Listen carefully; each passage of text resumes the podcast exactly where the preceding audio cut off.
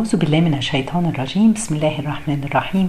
والصلاة والسلام على سيد المرسلين سيدنا محمد وعلى آله وصحبه وسلم أجمعين. يوم جديد في رمضان. النهاردة درسنا بعنوان من أنت؟ أو من أنت؟ كان في يوم أحد المسؤولات راحت تزور مصنع في الهند. فلفت انتباهها عامل.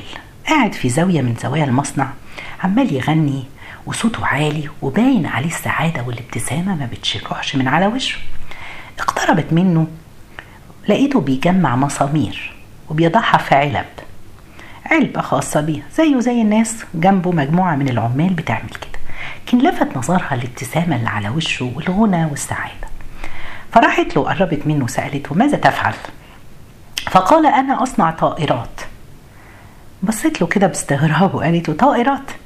فقال أجل, أجل يا سيدتي طائرات؟ هذه الطلبية لشركة تصنيع طائرات. والطائرات العملاقة اللي انت بتركبيها مش ممكن تطير من غير المسامير الصغيرة دي.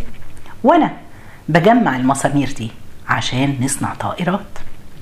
سبحان الله يا جماعة القصة دي لفتت نظري جدا. إن هذا الرجل في وراه سر. نظرته لنفسه. السر إن كل واحد بيبص لنفسه إيه؟ ويحدد قيمته في الحياة. فرق كبير قوي ما بين اللي بيشوف نفسه جامع مسامير في علب وبين اللي يشوف نفسه إن هو شريك في صناعة طائرة. فرق كبير قوي من اللي يشوف إن وظيفته ما باخدش منها غير الأجر. في آخر الشهر هاخد الأجر وخلاص. وبين اللي بيعمل العمل ويشوف أثر عمله دوت في المجتمع اللي هو عايش فيه. سبحان الله مهما كان دي أهم حاجة ودي رسالتي النهارده. كل واحد مننا محتاج يقف مع نفسه ويشوف أنا مين؟ أنا بعمل إيه؟ محدش يستحقر عمل بيعمله. يعني الكناس اللي بيكنس الطريق دوت مش مجرد كناس هو شخص بيجمل وجه المدينة بيخلي المدينة بتاعتي وبتاعتك وبتاعتنا كلنا تبقى نظيفة. النجار هو مش بس نجار انت انسان بتحمي بيوت من السرقة ومن الشمس والريح بيبني لنا البيبان والشبابيك والأسقف.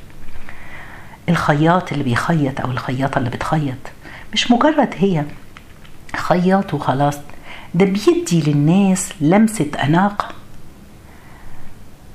سبحان الله. الخطيب اللي في المسجد اللي واقف على المنبر ده شخص بيمهد طريق الناس إلى الله. كل الوظائف دي مش وظائف وبس لا ده فيه هدف من وراه أثر بتسيبه في المجتمع وللناس. المدرس انت مش مدرس بس وخلاص. انت مدرس بأولاد وبنات. انت بتصنع أجيال. والرسالة دي سبحان الله للمدرسين كلهم. وكتير من النساء بيشتغلوا في التدريس. كل واحد منهم لازم يعرف إن هو مش بس رايح الصبح عشان يدرس وياخد وظيفة ويرجع ويرجع دماغه مدووشة سبحان الله من. من الأطفال والدوشة. لا ده بتصنع جيل. بتصنع أجيال مش جيل واحد. هو ده الفرق كل واحد بيشوف وظيفته شكلها إيه.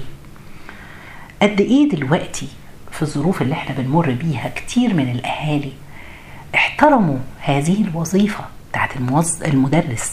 المدرس والمدرسة بعد ما أولادهم قعدوا في المدارس وابتدوا يتعلموا عن بعد عرفوا قيمة المدرس والمجهود اللي بيعمله عشان يعلموا لهم أولادهم. المهندس مش بس بيبني كباري لمجرد إنه بيبني كوبري لا. ده بيعمل منشأة عشان توصل بين الناس في الأماكن. الناس تقدر تروح من مكان لمكان. الطبيب مش مجرد طبيب وخلاص ده واحد بيخفف آلام البشر. سبحان الله. وإنتي وأنا مش مجرد ربة بيت ولا ربة أسرة. لما حد يقولك بتشتغلي تقولي له لا أنا ما بشتغلش. انت بتشتغلي أكبر وظيفة. انت أهم شخص في العالم دوت. إن كنت بتشتغلي أو بره بيتك أو جوه بيتك كفاية شغلك جوه البيت. انت بأمر الله واهبة الكوكب ده. الناس اللي هتعيش عليه. انت أول مربي وأهم مربي. مفيش حد بيصنع أعظم من صناعة الإنسان. دي رسالتي لكل أم وزوجة في حياتها. انت مصدر السعادة في البيت ده. لما تكوني متضايقة هتأثري على ولادك ولما تكوني سعيدة هتكون مصدر السعادة على البيت كله. لازم الأمهات والزوجات تاخد بالها من نفسها. وتعرف نفسها كويس وتعرف إنها بتصنع أجيال جيل. سبحان الله لو جينا بصينا للأمهات الأذكياء يعني أم العالم الله يرحمه أحمد زويل كان من هو طفل معلقاله على باب أوضته الدكتور أحمد زويل. قد إيه الرسالة دي كان هو باصص لها إن هو هيبقى دكتور وهيشتهر وهيوصل ويعمل؟ إحنا محتاجين نشجع. لازم يبقى فيه رسائل إيجابية. الرسائل الإيجابية دي ناخدها من رسول الله صلى الله عليه وسلم أسوتنا وقدوتنا. كان دايما عنده رسائل إيجابية لصحابته وأهله. كان سبحان الله بيوزع الألقاب والنظرات والرسائل الإيجابية للناس اللي حواليه.